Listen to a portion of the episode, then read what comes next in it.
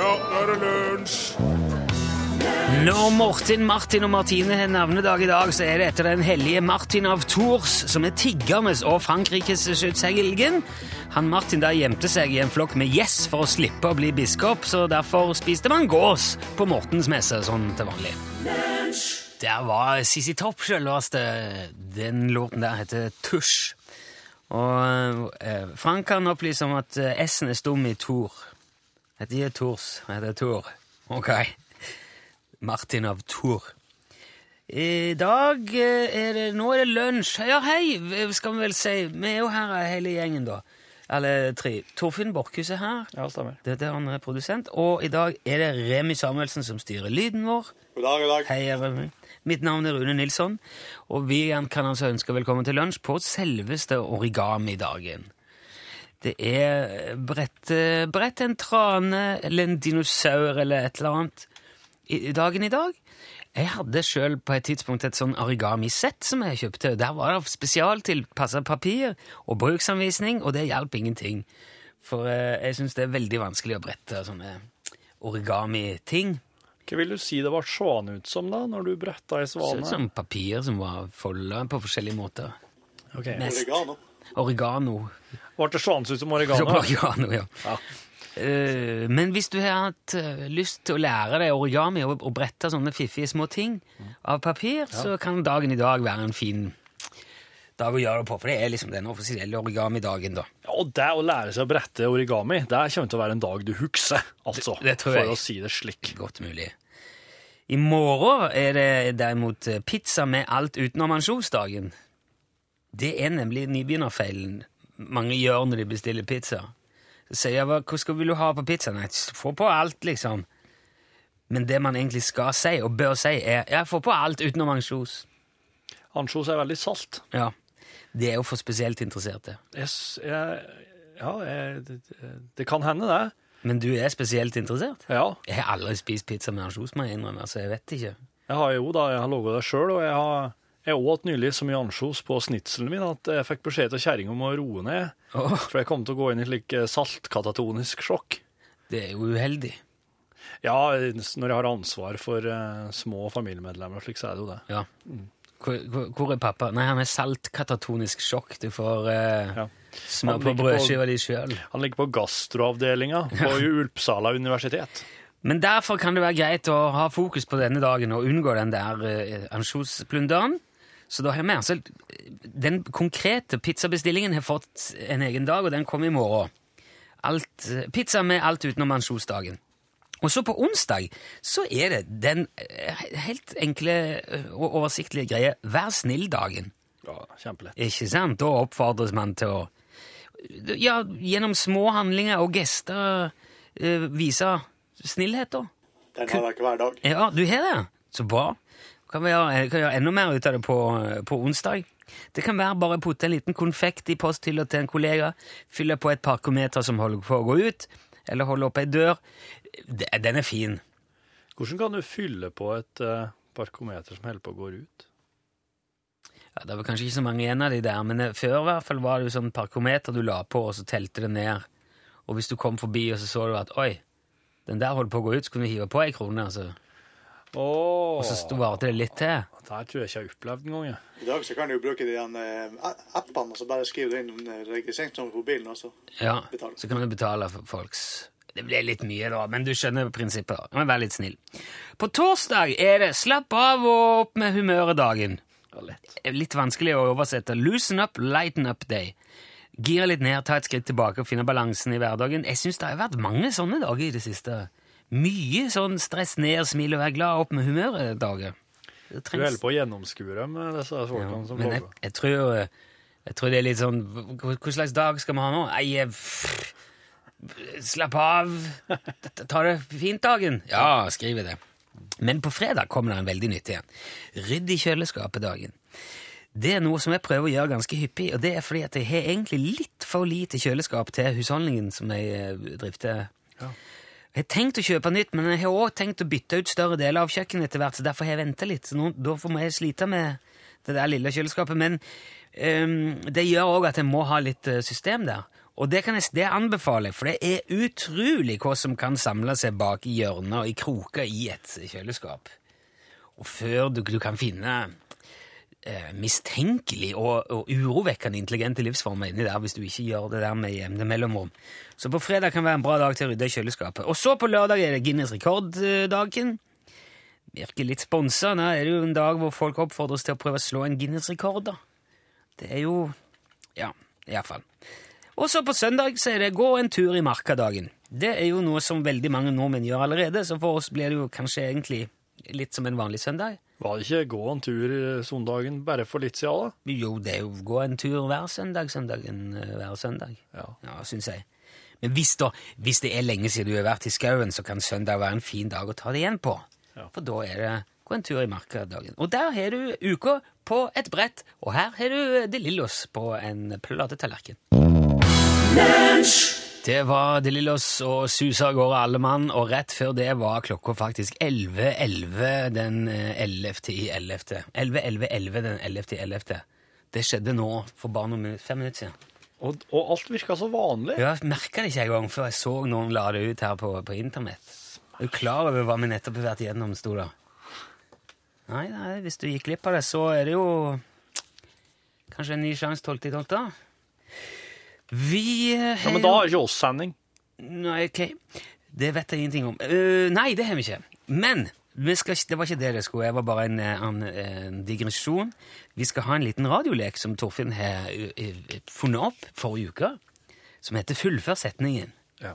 Jeg klipper ut, eh, jeg klipper ut noen sitat fra noen personer i offentligheten, og så, og så sier de igjen litt sånn øh, øh, ø, Og der stopper jeg, rett og slett. Og så Ja. lar jeg bare lyden, bakgrunnslyden gå. Du kan se det er litt sånn basert på den klassiske avissnakkebobla. Hvor du får, du får kanskje et slags Eller inspirert av, i hvert fall. Du får et Ja. bilde, og så står det ei snakkeboble og sier 'Hva sier de her?' Ja. Og så sender folk inn sånn Ja, ja. 'Hvor er bleia mi?' Eller, ja, Kanskje noe som er mye artigere enn det. Hvis det er bilde av en baby, da, så er det typisk. Vi har testa det en gang før, det var ganske artig, så vi, vi vil gjerne prøve igjen. Uh, og det, det det går ut på, er at nå får du høre et, eh, et utsagn. I dag er det ifra Helseminister Bent Høie. Ja, vår nye helseminister. Uh, og der han slutter å prate, er jo da tanken at du skal plukke opp tråden Ja. og sende på SMS hvor du tror fortsettelsen er, eller helst burde ha vært. da. Mm. du skal få høre nå. Dette er det Bent Høie skal si i dag. Og Derfor er det òg med øremerket 343 millioner kroner pluss 40 millioner kroner eh, til nettopp eh, Det er 343 millioner kroner her, og uh, 40 millioner til, altså, Ja. som øremerkes. Til- Og hva øremerkes det? Uh, Pizza og brus. ja, jeg vet ikke, det kan hende. ballonger og bananer. Ja, hvem veit hva helseministeren har i tankene her? Hva som er helsefremmende? Hva er det som vil hjelpe? Det er i hvert fall eh, Det er opp til det. Jo, jo, jeg tenker jo at han kan, kan jo helt sikkert snakke om andre ting. Kanskje det han snakker om uh, bursdagsselskapet sitt, eller Nei, jeg vet Du må ikke legge føringer på folk. Nei, da, jeg skal ikke gjøre det. Jeg bare sier at dette er helt åpent. Kan, han kan si hva du vil. Og hvis du har forslag, send det med kodeord L eh, til 1987. Da koster det ei krone. Og hvis du får plass til navn og adresse, så ta gjerne med det òg, for vi liker å premiere gode forslag. Og her, eh, Det du da skal eh, fullføre, er altså Bent Høies utsagn. Derfor er det òg med øremerket 343 millioner kroner pluss 40 millioner kroner eh, til nettopp eh, Ja, det, det er nettopp Lorde og en låt som heter Royals. Den kommer her.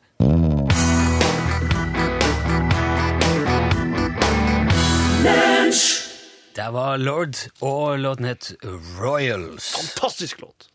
Fantastisk låt! En fantastisk melodi. ja. Fantastisk. En fantastisk vignett, som òg betyr at uh, det er høna eller egg-quiz i lunsj. The Chicken or the Egg det er en av mine favorittquiz-varianter i dette radioprogrammet, for den kommer på mandager. Han er alltid veldig interessant og lærerik. Jeg liker den. Jeg liker den godt. OK. Ja. Ja, det var godt å høre. I dag har jeg, har jeg litt sånne ting som jeg vet du liker. Jeg sånne eh, teknologiske duppeditter. Teknologi. Ja, teknologi. Ja. Og kan jeg bare begynne med første, begynt. første runde. Ja. Hva kom først? Ja. Den første håndhelte kalkulatoren, eller den første digitale klokka. Håndholdt kalkulator eller digital klokke? Ja. Nei, da, det er håndholdt kalkulator. Den første pulsarklokka ble lansert i 1972 av The Hamilton Watch Company. I hva tid sa du? 1972, 72, ja. og kom i et 18 karat gulletui. Oh, holy moly. Det var den første klokka til å ha et digitalt display, altså som visste tida hvis du trykte på en liten knapp. Ja. Og så visste den da tida med LED-lys. LED veldig tidlig. Liquid uh, L, L, emid, Light emitting diode. Den første batteridrivne håndhelte kalkulatoren var en Sharp QT8B, Ja, og den ble introdusert i 1969. Ja! Tre år tidligere enn Hamilton sin pulsar. Det var hanen på Jo, for det der, eh, altså kalkulator, Jeg husker jo kalkulatoren var jo sånn eh, De tidligste kalkulatorene hadde jo ikke sånn ledd eh, Der var det sånne lysende Det var ikke sånn små lyspærer nærmest inni, og de var helt vanskelig å se. Helt sånn røde tall, og så kunne du se at alle tallene ligger oppå hverandre. Mm. Innover i en sånn en sylinder, et eller annet. Ja. Og så er det veldig rart. Det kan hende det var en Sharp QT8B. ja. Hvem vet? Jeg tenkte kanskje du skulle komme draende med en kuleramme eller et eller annet som var håndholdt, men ja. Du har ett poeng, iallfall. ett poeng! Spørsmål to er hva kom først? En Sony Walkman eller Atari 2600? Atari. Den Det er Atari TV-spillkonsoll Atari, ikke sant? Opp mot den eh, Walkman, den lille bærbare kassettspilleren. Ja. Ja. ja. Jo, jeg, jeg tror eh, Og jeg tror det kan være ganske jevnt, det òg, men jeg holder en knapp på Atari. En bærbar personlig stereo-audio-kassettspiller som ble kalt stereobelte, ble eh, funnet opp av den tysk-brasilianske oppfinneren Andreas Pavel i 1972. 72, det Det er òg, 72 her og nå. Gode, gamle Pavel. Det, altså det, det her, nå er vi i sånn teknologi eh, sånn, sånn teknologisk sett vanvittig tid. Nå lurer jeg på om jeg angrer litt. Og i 1979 Ja. så begynte Sony å selge den populære Walkman i Japan. OK, så vi snakker 79. Ja. Ja. For det, da- Men i 1980 så ble det rett og slett, eh, rett og slett litt sånn rettsoppgjør mellom Pavel og Sony. For Pavel ville da ha royalties til dømmers salg til det han mente var hans oppfinnelse, for han hadde patentert den i mange land. I 1986 så ble Sony eh, enig med Pavel om å betale han royalties, men bare for salg i Tyskland. Og de nekta å anerkjenne han som oppfinneren. Og, men så ble det en ny runde i rettsapparatet, kom til et forlik i 2003, og hva, hva det egentlig høres ut, hva summen er, eh, hva det dreier seg om slags tall, det er en veldig godt bevart hemmelighet. Men iallfall så eh, har Sony da gitt ut et lite skriv der det står at Andreas Pavel er den offisielle oppfinneren av eh, den bærbare, personlige audiospilleren. Atari 2600 kom ut i 1977, to år før Sonys Walkman. Oh, ja, men det var her, der ser du, dette her var marginalt. Nå syns jeg du er på veldig sånn Dette her er det ikke, det er ikke mye rom for Nei, det er ikke altså. resonnering. Altså. Det var jo litt flaks. ja. Men jeg husker at eh, vi spilte jo sånne simple TV-spill med to cowboyer Ja. som trakk. Eh, Og jeg mener på, jeg, jeg, Vi gjorde det før vi hadde Walkman. Så Ja. ja, men det holdt stikk, det. Ok. Det er Siste spørsmål. Hva kom først av HD-DVD eller Blu-ray? Ja. De var jo ikke mye det, Nei, det var HD-DVD-en som kom først. Det vil jeg eh, holde en knapp eh, på. Blu-ray-spilleren er jo den som har gjort det klart best av dem to. Vi så jo en krig der som minnet veldig om krigen mellom Betamax og VHS i sin tid. Og, men sjøl om det er Blu-ray som gikk av med seieren, så var det HD-DVD som kom Ja! først på markedet. Tre av tre! Begge to i 2006. Ja, ja, for det var jo ganske samtidig. Tre poeng til tre mulige, Rune Nilsson. Ja. Rene teknologen. Hei, hei, hei, hei, hei. Gratulerer. Jeg legger Tusen meg takk. flat. Du, det var, men det var jo ting å lære her likevel. Nå har Torfinn lagt seg flat, mens vi kan høre Stein Torleif Bjella fra helt nye plater. Heim for å dø, her er separate sinn.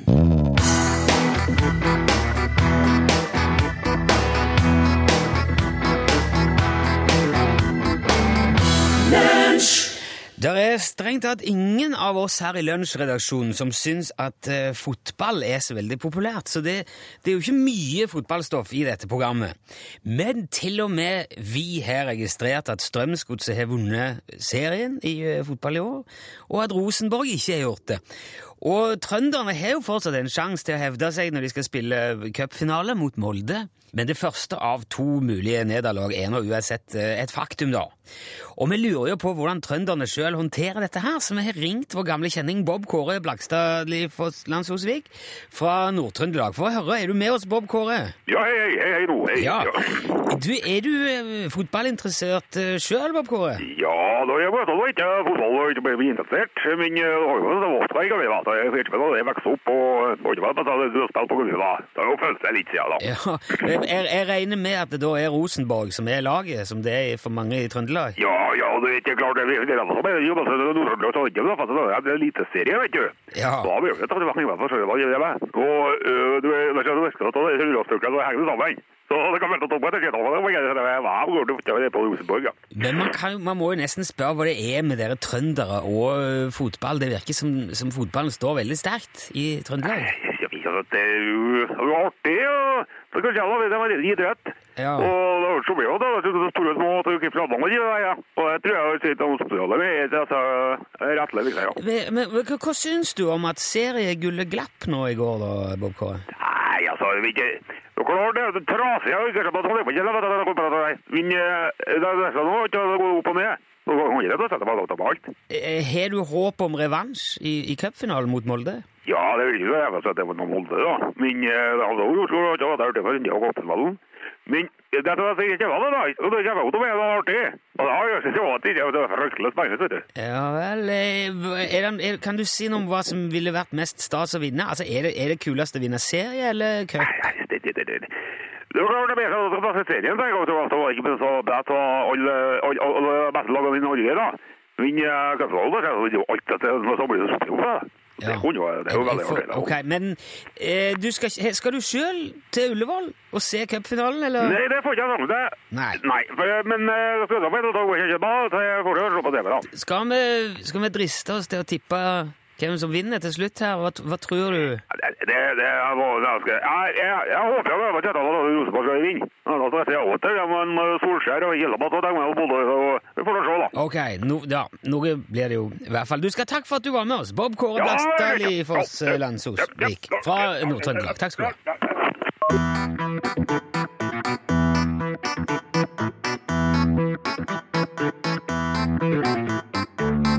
Ja. Will you still love me tomorrow? spurte The Shirelles. Idet vi skal tilbake til vår fullfør setningen utfordringsleksradio morosk-ting. Og det har kommet veldig mange gode forslag til hva Bent Høie eh, sier når han uttaler seg om øremerking og en haug med millioner. Eh, og det er jo Ja, det kan for eksempel være Nå skal vi se, for jeg har jo eh, Det er den, ikke sant? Langversjon først. Ja. Og Derfor er det òg med øremerket 343 millioner kroner pluss 40 millioner kroner eh, til nettopp eh, Alkohol på alders- og sykehjem som helgekos for beboerne. Det er jo fint. Ja. eh, til nettopp eh, Innkjøp av tid. Eh, Forskning viser nemlig at dårlig tid gir stress, og stress skaper mange farlige situasjoner i trafikken. Ergo kan dette tidskjøpet virke forebyggende og dempe presset på sykehusene.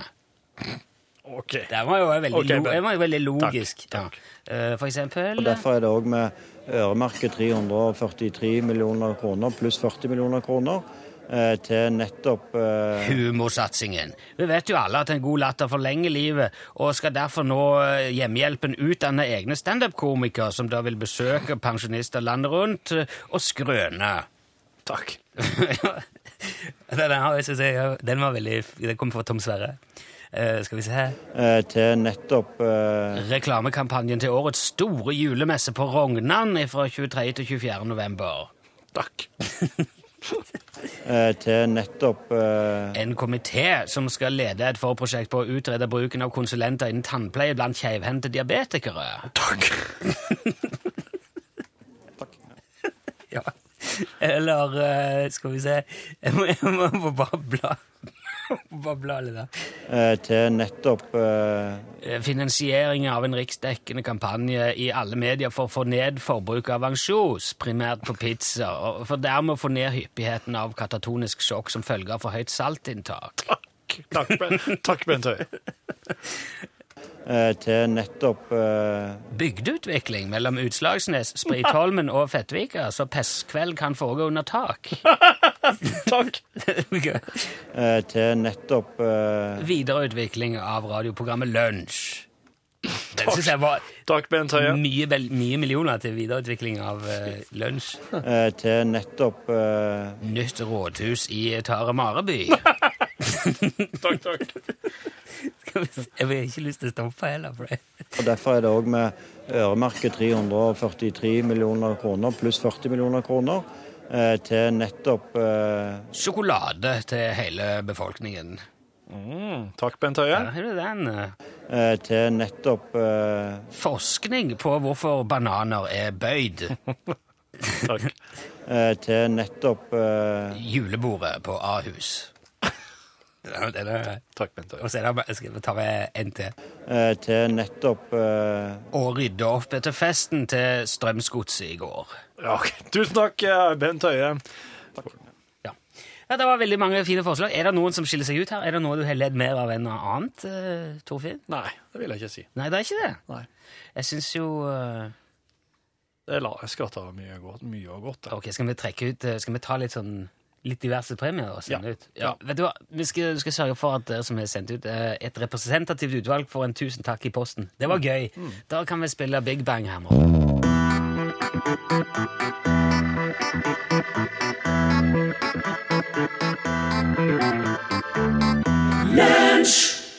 Bang hørte du, og Everybody and Their Broken Hearts. Har du fått med deg, Torfinn, den der satellitten som har gått i bakken? Ja. Den eh, europeiske romorganisasjonen ESA har hatt en satellitt gående rundt oppi der i fire år for å kartlegge variasjoner i jordas tyngdefelt. Og så i oktober så gikk han tom for bensin eller drivstoff, og så begynte han også smått å bli offer for det samme tyngdefeltet som han er målt, og bare på en måte Ja, så er det gått nedover, bokstavelig talt, siden da. ja. Og nå i natt så krasjer altså hele kostebinderiet. Det er altså snakk om en eh, satellitt omtrent på størrelse med en bil. Men ingen vet hvor han krasjer. Nei. Nei. Ja, men hæ? Nei, det siste de så til han, det var 0042 i natt. Da for hele skraperen over Antarktis i 12 km høyde. Og ESA eh, regna da med at han ville passere millionbyer som Harbin og Taipei i Kina og Manila på Filippinene. De satsa på at jeg skulle gå klar der, da. Og mest sannsynlig gå i oppløsning. Eh, og, og slå ned en plass eh, et sted i, i Indonesia. I havet. Nei, ja, Indonesia. Håpte, de håpte jo det, da. Ja. Det er litt eh, det, altså de ser jo, Han vil jo få ha medfart underveis, og mest sannsynligvis som jeg sa, gå i oppløsning, og mange av bitene vil brenne opp. Men han er veldig solid bygga, den der satellitten, så ESA regner med at biter på opptil 90 kilo likevel vil kunne treffe bakken. Ok. Og hvis, det, hvis du får en 90 kilo illsint eh, satellitt i bakhodet i 10 000 milliarder kilometer i timen, så Hjelper ikke med hjelm engang. nei, da tror jeg ikke du har så mye å si om det etterpå. Nei. Men til det da, så sier jeg så at det er 250 000 ganger mer sannsynlig å vinne i lotto enn å bli truffet av den satellitten, så det går, det går greit. Men det er jo noen som vinner i Lotto hver uke. Ikke sant? Hver dag. Noen vinner jo to-tre ganger òg. Syns det virker litt lettvint. Man skal jo ikke undervurdere flaksen, eller uflaksen, da, for så vidt. Og jeg syns, altså sånn fra et lekmannsperspektiv, mitt, så virker hele greia litt sånn lettvint. lettvint. Det virker litt rart at de kan sitte på kontoret sitt der på ESA og si nøyaktig på sekundet når en isklump fra midt ute i svarteste verdensrommet vil komme forbi jorda, eh, hvor han vil dra etterpå, og når han vil komme tilbake. Men de har ikke peiling på hva som vil skje med noe de sjøl har satt ut, bare rett ut forbi stuedøra si. Og jeg, jeg tenkte at hvis det hadde vært mine unger som hadde satt opp den satellitten, så tror jeg det første jeg hadde spurt om, var ja, hva skal dere gjøre med den når dere er ferdige, da? Hvem skal rydde opp her? Det tror jeg hadde vært det første jeg hadde sagt. Og hvis ikke de hadde hatt noe godt svar på det, så sier jeg vet du hva, den står der den står. Du får finne på noe annet med den. For du kan ikke drive og hive ting opp uh, uten å ha en plan for hvordan du skal, hvordan du skal rydde opp her. Så det vil jeg gjerne si til dere Jesa. Det der uh, virker litt, litt for uh, tilfeldig, da. Så vi får bare, Det blir spennende å se nå hva som har skjedd i Indonesia, men eh, hvis det kommer en indoneser nå og er fly forbanna fordi at han ikke har verken garasje eller loft eller et eller annet 90 kilo satellitt i hagen, da nytter det ikke mye å si eh, ja, men det var flaks.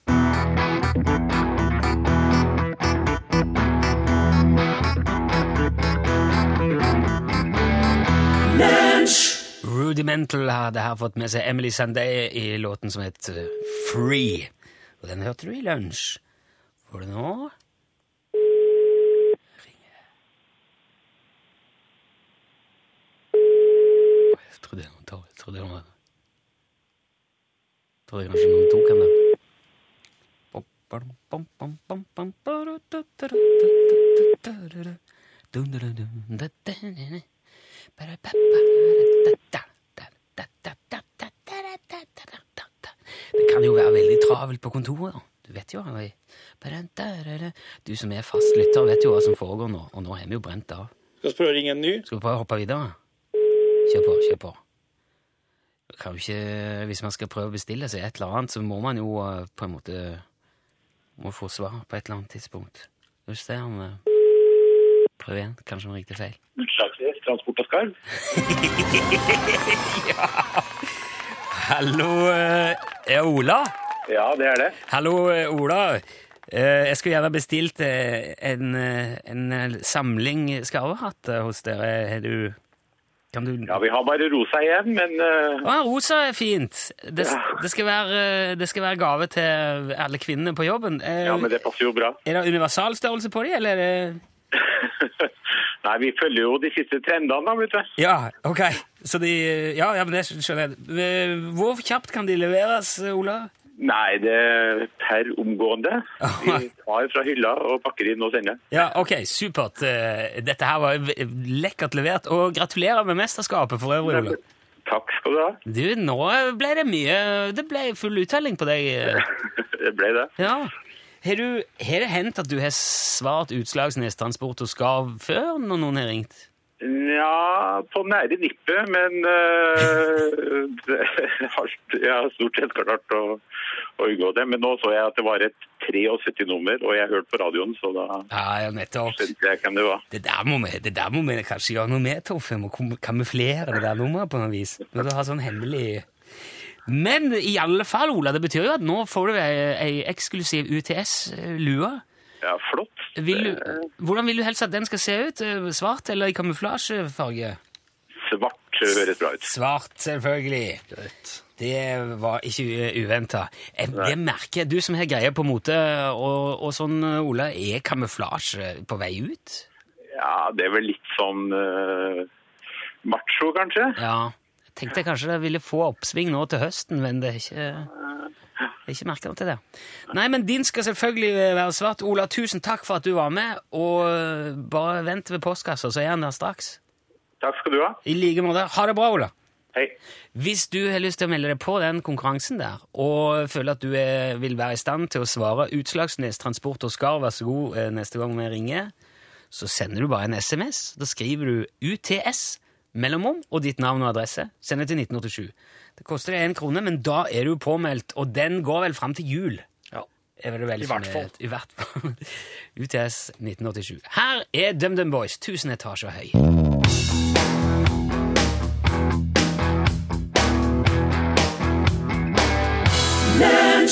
DumDum Boys, tusen etasjer høy. Helt på tampen av lunsj i dag, før vi gir ordet til Pål Plassen, skal jeg bare si at hvis du er sci-fi-fan, science fiction-fan, og har for eksempel et forhold til Arthur C. Clarke, så kan det være smart å laste ned dagens podkast fra lunsj. Der skal det handle om eh, du skal, vi, skal møte, vi får besøk av en som har møtt Arthur C. Clarke. Besøkt han. Hva tenker du om det, Pål Plassen? At det vil ta det helt ned og tilbake igjen på sjakkbrettet. Ja. Fordi eh, jeg har Remi er jo tekniker ja, tekniker er i ikke dag. det litt artig? Ja. Ja. Eh, jeg har litt sånn mindreverdighetskompleks fordi at jeg ikke kan sjakk, eh, som jeg ymta frampå om eh, forrige uke. I dag så skal en eh, tiåring lære med sjakk på direkten. Og skal bli med gjennom store deler av norgesklasse i dag og lære med litt sånn tips og triks. Og hun er knallgod, altså. Wow. Så få med dere det. Få noen tips og råd. Aller først eh, så skal vi få nyheter her ved kollega Ida Creet. Ja, der sa han et sant ord. Ok. Er det greit? Ja, det er greit. Ja. Det er greit. Kom igjen. Mannen som sier det er greit, er Sverre Krüger. Velkommen, Sverre. Takk skal du ha. Vi har invitert uh, Sverre på kontoret i dag for å snakke om uh, science fiction. Nærmere bestemt Arthur C. Clarke. Hva er ditt forhold til Arthur C. Clarke, Torfinn Borchhus? Uh, jeg har ikke noe forhold til han. Han er død. Han eh, Jeg mener ikke sånn forhold. Nei. Liksom Jeg har lest en del bøker til han. Jeg, jeg er veldig glad til eh, science fiction, men at han er en av de, eh, de virkelig sånne vitenskapelig funderte typene. Det er en som skriver så godt at eh, sånn teknisk at, eh, at jeg tror på det han skriver. Ja. Jeg tror nesten at det her, her er realiserbart. For du har jo møtt han, Sverre. Ja, jeg har møtt han. Arthur C. I eh, Colombo i Sri Lanka. Ja, Oi, er det, er det Colombo i Sri Lanka? Ja. ja det er det stort sett, der det er. Ja, ok. I Colombo. ja. Nei, for det jeg vet om Arthur C. Clarke, at han har skrevet veldig mange bøker, og så han seg, trakk han seg tilbake på Sri Lanka der, og jeg så liksom for meg at han bodde Ja. på et sånt svært kompleks ute på en klippetuppe, og Ja, det er ganske stort huset hans, det, det sånn, okay. men det ligger midt i Colombo, og der er det nokså trangt. Så det er, okay. Men, men Arthur C. Clarke har jo vært en som har eh, bredt seg utover, både, sånn, både språklig og vitenskapelig og fysisk òg. Altså, han, han eh, kom til Sri Lanka i 1956, tror jeg. Det er så lenge siden. Ja, så. Da kom han fra England. Han er født i Cornwall i England, og han tok sin doktorgrad i, i fysikk Kings College, så han var høyt på strå der. Ja. Jobba i Royal Air Force og, osv. Men så hadde han altså en forkjærlighet for dykking. Og han sa det sjøl, husker jeg, at eh, det var det som dro han til Sri Lanka. Han kunne få flyte og der nede og gode forhold for dykking på Lanka. Hva? Det var gode forhold for dykking. Ja, det er jo det. Det er jo et dykkesenter mange nordmenn, eh, ungdommer spesielt, reiser ned til Hikkadua, som ligger litt sør for Colombo på vestkysten. Det er jo et sånt eventyr av et dykkesenter. Men Arthur C. Clarke han sa, snakka mye om, om Great Barrier Reef, altså utenfor Australia. Ja. Så han, eh, han snakka om han, han lå på bunnen der og kikka opp på haiene som for over. Nei, det var Men for de da som ikke kjenner liksom navnet sånn, er det, er det noe man kan se som folk kjenner til, men kanskje ikke vet at han står bak? Er det noen Jo, sånne jo. paralleller? Det som stadig nevnes, det er jo 2001, altså en En Ah. Som han skrev manuset til sammen med Stanley Kubrick. Og som jo ble en eh, Og er fortsatt en kultfilm. Ja. De gjorde den i 1968 og ble jo nominert til Oscar for det manuset. Eh, ja, det er nå det han har eh, gjort på filmsida, men han har også spilt i film. Jeg har sett han som en koloni, eh, kolonisator, går rundt i hvit hatt og sånn der. Oh, ja? ja, ja. Men vi, det er jo er ikke vi ser her. Og så har han jo gjort seg kjent i Europa, altså etter at han dro eh, til Sri Lanka, selvsagt gjennom bøkene. Ja. Men også gjennom en stor fjernsynsserie som han gjorde i England. Eller det, han ble gjort i England, den serien. Som heter Arthur C. Clarks Mysterious Worlds. Ja. Og det er så litt artig med han at han, han, eh, han går bakover i tid, inn i mystikken og det okkulte. Og, og så er han samtidig ute i kosmos, ute i, der ute. Og så er han eh, fysikkprofessor. Altså han har så mange felt å bevege seg i at eh, det er et eventyr bare, bare å møte han. Vi hadde det fryktelig hyggelig. Vi ble sittende en hel formiddag og, og snakke. Ja, ja, ja, jeg måtte jo innrømme at jeg var jo en skårunge i, i nærheten av han på, på de feltene der. Men eh, det har seg sånn at jeg, jeg var i Sri Lanka fordi jeg skulle gjøre en, en fjernsynsproduksjon om disse kulturminnene som vi har i Norge, som ligger på World Heritage, altså verdensarvlista. Ja. Um, og, så, og så hadde Norge da, det var i 1997-98, innledet et samarbeid med Sri Lanka, som også hadde en del sånne monumenter der inne. Og så finansierte Norad og UNESCO en, en tur over. Så jeg, jeg var der i det ærendet, ikke som eh, på jakt etter en science fiction-forfatter eller en eh, astro okay. astrofysiker. Så vi ble sittende først og snakke om de gamle monumentene. Om Sigrid av Løvefjellet, som er omspunnet med myter, som har verdens vakreste hageanlegg. Eh, Det, det, det er et eventyr alene, Sigria. Der fins også Fountains of Paradise. Som jo er en bok som han har skrevet i 1978. Fountains of Paradise. Eh, og disse fontenene der nede, de er jo liksom eh, de strømmer vann ut av det, sånne geysirer, så er det paradisets fontener. ok. Jeg har sans for det her. Er han en stor og ruvende eh, fyr, sånn fysisk sett? Nei, han, eh, han har vel kanskje vært det. Men han fikk, eh, han fikk eh, ja. i 1950, ja, på 50-tallet. Han ble, ja, vel, ble vel frisk, eller han ble kurert av det. Men så fikk han da senere i livet et sånt såkalt postpoliosyndrom. Ja. Så da jeg sa, møtte han, så, så satt han i eh, Ikke i rullestol, men han måtte hjelpes. Mm. Ja. Men han var høyst oppegående. Han var jo over 90 da han, da han døde. Eh, Så, så han var en sterk eh, fysikk. Han var jo en, en friluftsmann, Mm. altså iallfall i tanken. Miljøforkjemper og, og, og ja, bevega seg i så mange felt. Det var så artig å, å sitte der. For det akkurat da, den første gangen jeg traff han, jeg har møtt han to ganger Første gangen så, så uh, var det blitt lansert i det internasjonale romfartsmiljøet at du skal bygge en heis. En heis Ja, ja, ja. fra verdensrommet, eller nedenfra og opp Ja. til satellittene som står der i den såkalte geostasjonære banen. De står jo fast der oppe. Sånn at eh, den måtte være en heis som kunne tåle tyngden. Eh, altså, eh, så det var mye spekulasjoner rundt det. Men i det internasjonale romfartsmiljøet så ble det her, og det er fortsatt diskuteres helt seriøst. Ja. Og denne boka som er nevnt, 'Fountains of Paradise', det er jo en bok som, som handler om en gammel konge altså i de mytiske tider som bygger en heis oppover til verdensrommet. Ja, for han, Så han er, det er fantasien hans er nesten overgått virkeligheten, eller inspirert? eh. Ja, det, det var litt uh, artig å registrere at, at Arthur C. Clarke ble jo kon, eh, konferert. altså De snakka, spurte han om råd i de store romfartsorganisasjonene, NASA og ESA, europeiske. Som eh, hva er det nå vi skal satse på? Fordi at det har vist seg at eh, 20 år etter at han har lansert en idé, så har det blitt virkelighet. Han var jo den første, og det er jo kanskje det som er den største vitenskapelige bedriften hans. det er han var den første som skrev om hvordan man skulle klare å få fjernsynssignal sendt over hele jordkloden gjennom tre geostasjonære satellitter. Og det skrev han i 1945, altså tolv år før den første Sputniken gikk opp. Det ble, publisert i Wireless World som en og det heter Extraterrestrial Relays, altså ekstra Ja. jo overjordiske kontaktpunkt, eller, eller stafetter, man vil. Altså Mm. Eh, som så sier man man om relays, det er jo stafett. Ja, ja, ja. Jeg lette etter det ordet, hva skal vi oversette med? Men Altså, ja, ja, punkt som eh, ja, da, så det er tre satellitter. Ved hjelp av de tre så kunne man altså nå hele verden. Mm. Men det- Er det det som er liksom kjennetegnet til Arthur C. Clarke og forfatterskapet? Han skriver sånne Altså Det der er sånn hard science fiction som de sier, som handler om vitenskapen og de tekniske løsningene. Det er ikke sånn monster og Ja, altså han, han, eh, han, han Det var jo et av hans siste ønsker.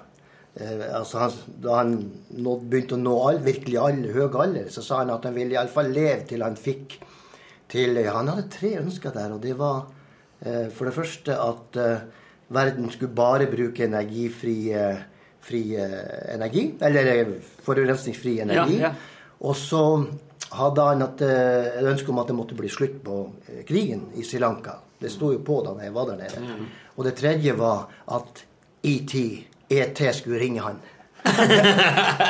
Altså ikke Erik Tandberg, som vi Nei, nei, nei, nei. men eh, Spielbergs ET. Så, som, skulle, som skulle ringe han. Så, og han var helt sikker på at det kom til å skje alt. Energifritt. Slutt på krigen. Det har jo skjedd.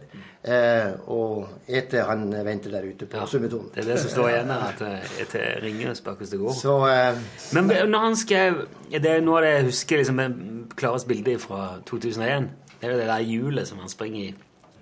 Det er gravitasjonshjulet i eh, For det, den snurrer jo rundt inni der. Den, eh. Det så lenge siden jeg, jeg så, både som- så filmen og hørte boka, men det er jo altså en det er altså en, en kamp dere, eh, dere husker med Hell, altså datamaskinen, Ja, ja, ja. som de mister De skal til Jupiter, og så, og så begynner de å konkurrere med selve datamaskinen. Hvem er det som skal ta kontrollen om bord der? Ja, kunstig intelligens-tanken. Ja, det, det er kunstig intelligens, og det skrev jo han i 1951 i en liten eh, eh, novelle som heter The Sentinel. Ja. Det var det som var utgangspunktet. Mm. Eh, altså 1951, og så vet man når dataverden kom. Så ser du hvor lenge tidligere ute han var med dette her. Så eh, Nei, han var, han var en uh, utrolig flott fyr. Veldig sjenerøs og, og tok vel imot. og eh, Har du kommunisert med han på e-post? Ja. Fordi at i alle de bøkene jeg har lest, så har han et forord.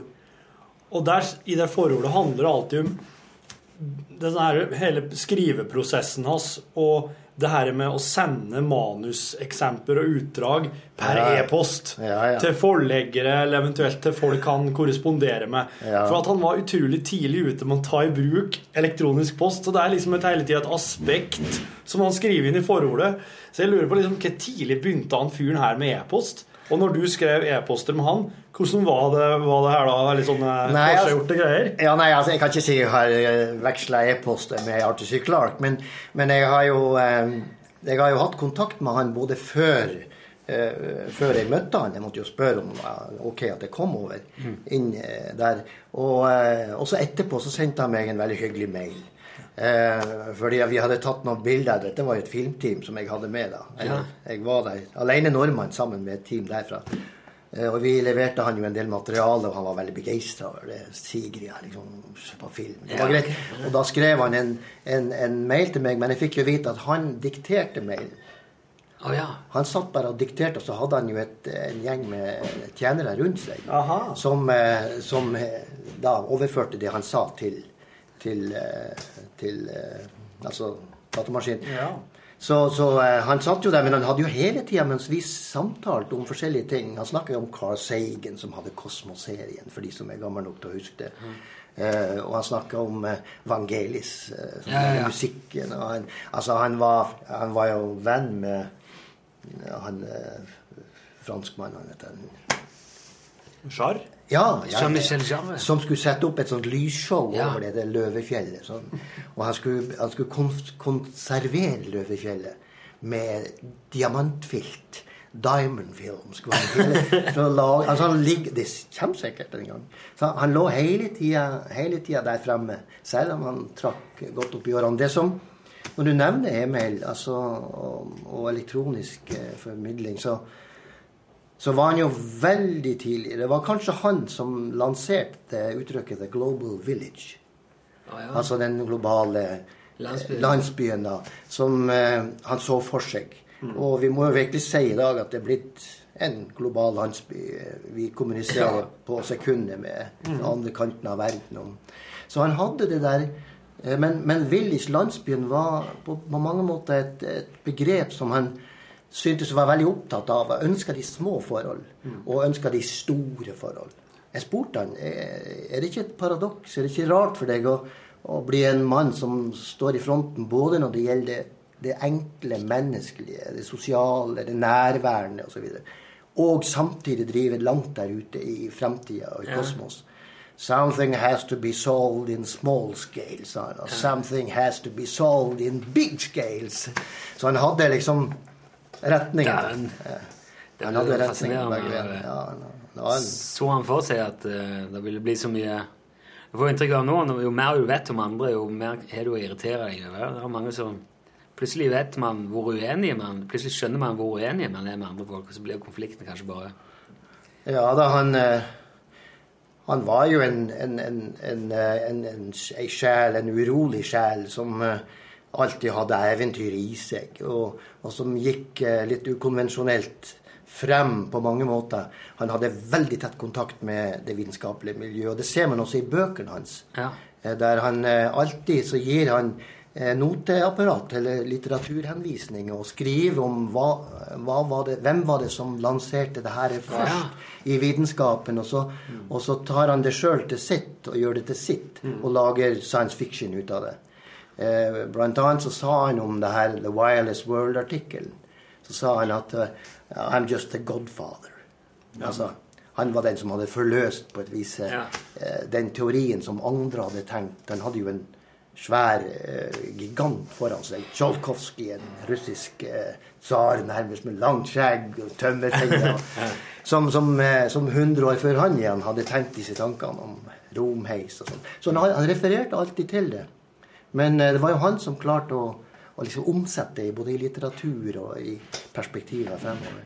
Hadde du noe eh, sterkt forhold til, til han før du møtte han? Altså, var du sånn, Nei. Hadde du lest mye? eller? Ja, jeg hadde lest eh, noen for Childhood's End og Fountains of Paradise 2001. Og så kom han jo med eh, disse Rama-bøkene inspirert Mm. av orientalsk tenkning og filosofi. Og, og så har han jo skrevet bøker om 2010 osv. Ja, ja.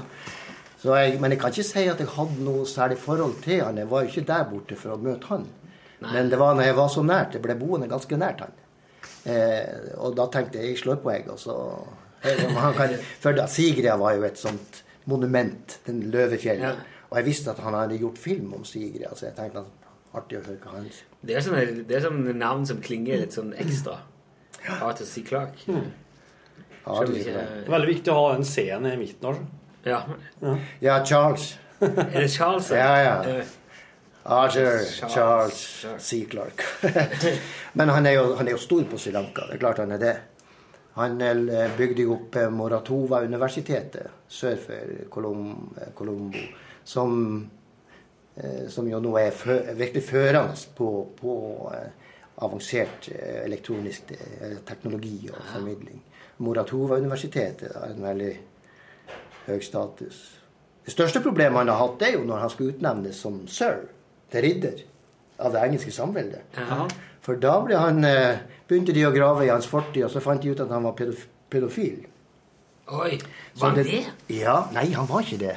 Men, oh, men det ble jo noen Kanskje det var noen uh, uttrykk, ut, for noe sjalusi eller noe sånt fra kolleger. Men det ble lansert, og så ble det jo satt ned da prins Charles skulle bort for å slå han Skulle de med sverdet, hvis de gjør det fortsatt. Jeg vet ikke. Men, men iallfall Og da sa Arthur C. Clarke jeg tar ikke imot eh, ridderskapet jeg, før, før det er undersøkt tilstrekkelig, denne påstanden her. Og så ble det jo undersøkt av en nøytral gruppe fra engelsk hold. Ja. Og de fant ut det var ikke hold i det i det hele tatt. Ok. Eh, han levde jo sammen med en mann i mange år. Ja, det nevnte du. Ja. Det, det var ikke heller klar over. Men det var det du nevnte litt her tidligere når vi snakket, at det var kanskje litt av grunnen til at han endte Ja, Han dro var fra England, da. Han, han, var jo, han dro fra England. eh, Han sa det sjøl pga. dykking. Men eh, han var gift på, med ei dame Oh, ja. i England. Eh, og det gikk over styr i midten av 50-tallet. Så reiste han altså over til Sri Lanka. Og eh, jeg skal ikke sette ut noe rykte, men det har jeg gjort allerede. Nei det var ingen hemmelighet. Han bodde sammen med Leslie. Eh, som, eh, og huset han bodde i når jeg var der nede, heter Leslies House. Ah, ja. Men denne Leslie var en dykkerkamerat av han, så vidt jeg forsto. Og, og han døde allerede på tidlig 70-tallet. ja okay. Så, så eh, det ble jo ikke noe langt samliv. Og, og hvordan de opplevde sine forhold internt, det var det ikke snakk om det var der. Nei. Så det legger for, for, for, bare være svevende. Men det var jo en, en, en diskusjon også i pressen om det. Det var jo i norsk press Ja, ok, men det kan, jeg tenker på den tida var det sikkert ikke uproblematisk hvis noen begynte å lure på om du var homo. Nei, nei, nei. I hvert klart fall med den det. standingen som han har hatt. Ja, det, det er klart.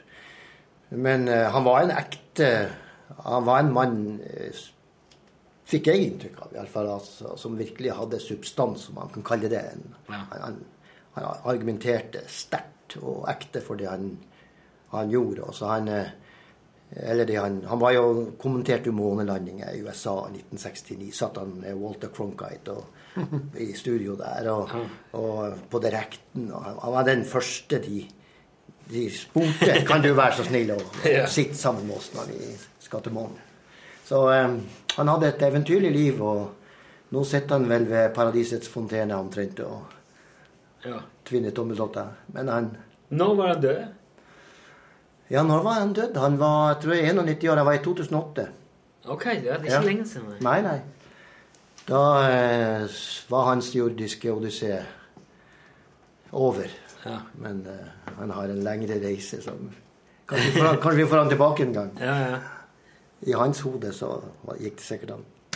Jeg lurer på om det er om det også er han som har skrevet den der den utrolig fascinerende korthistorie om den superdatamaskinen som blir bygd som, kan, eh, som blir bygd mer som en sånn Wikipedia til å begynne med.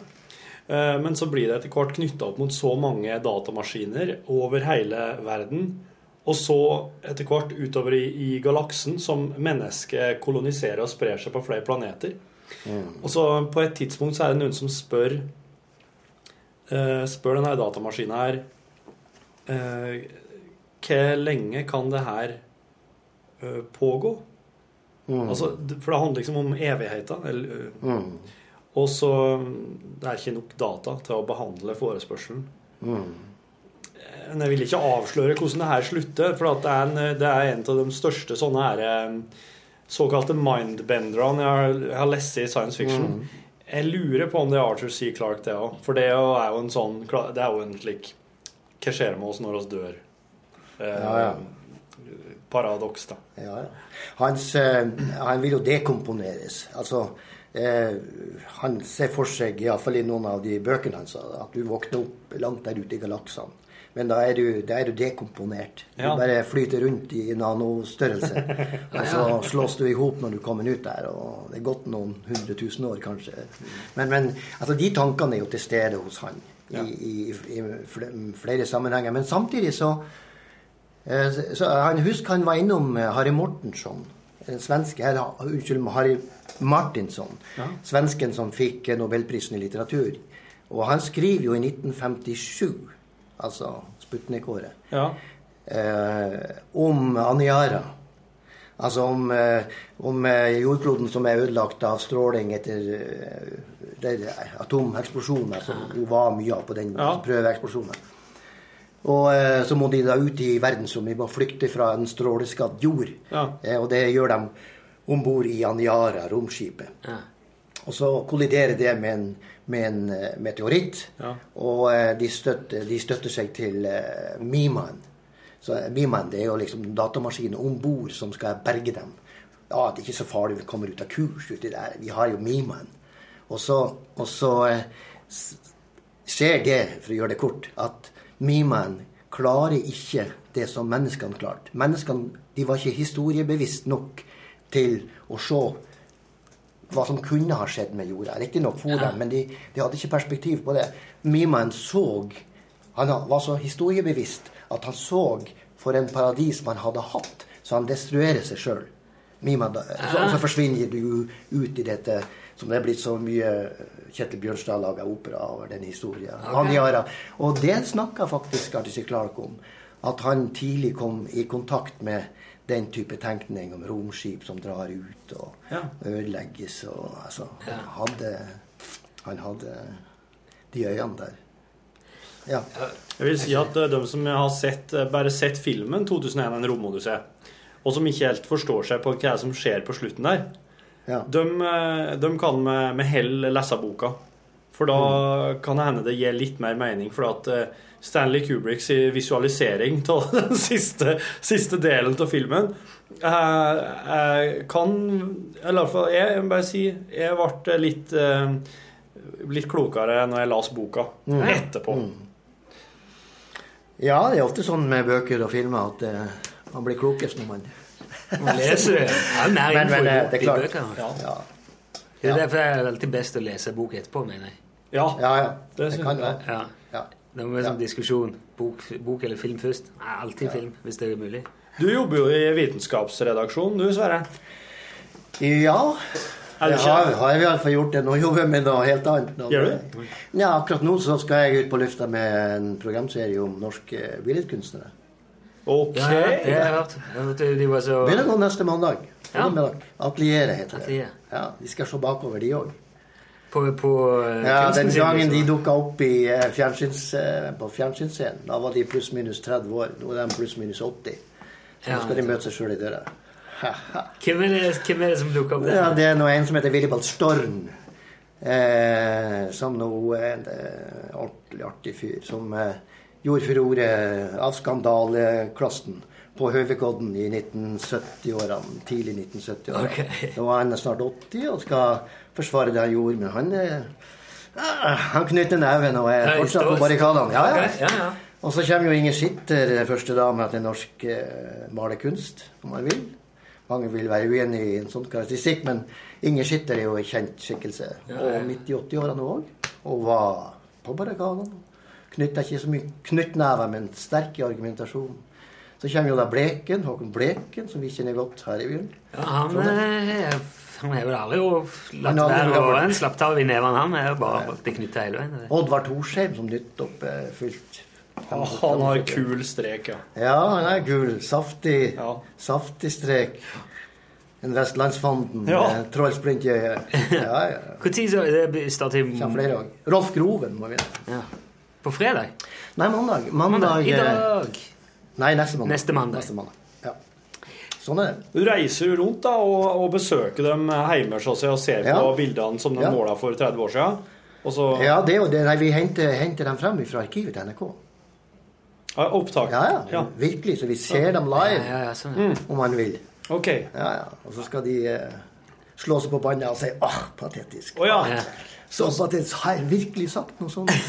det var det som var tanken. Ja, ja. Som skal få ikke bare mø se Det er ikke bare bildene han handler om, Nei, det, nei. det er hva de sa i forbindelse med Ja, lanseringa. ja, Det er nesten dårlig gjort, så. Oi, oi, oi.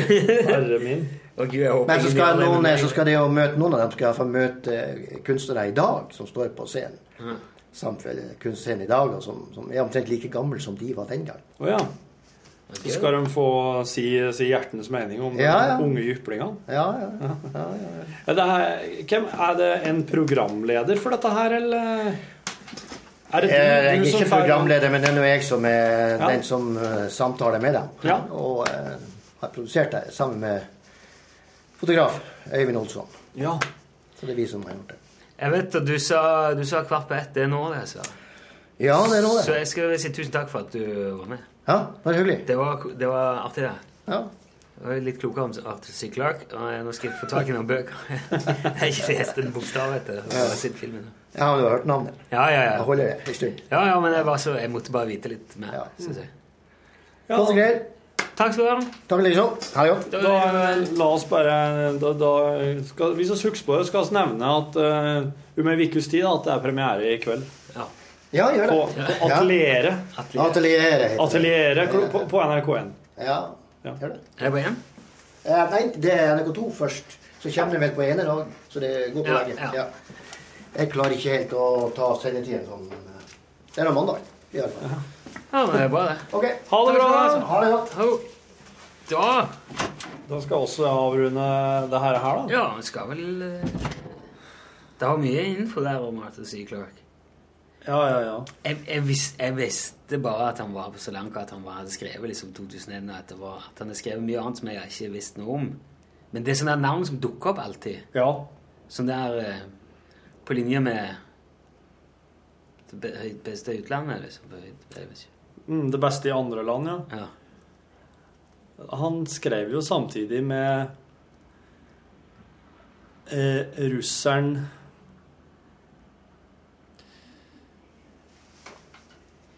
Sergej Bubka. Nei, Han var jo ikke russer.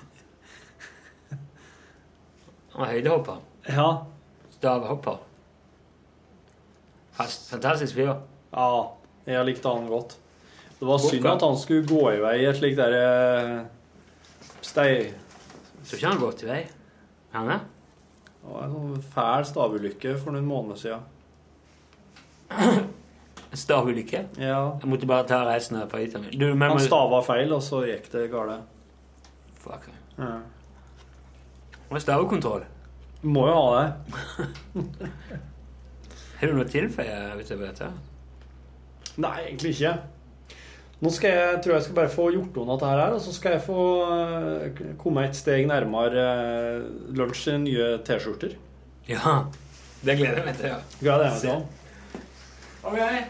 Så da sier oss eh, vel bekomme, og eh, ha en riktig eh, fin en. Hør flere podkaster på nrk.no podkast.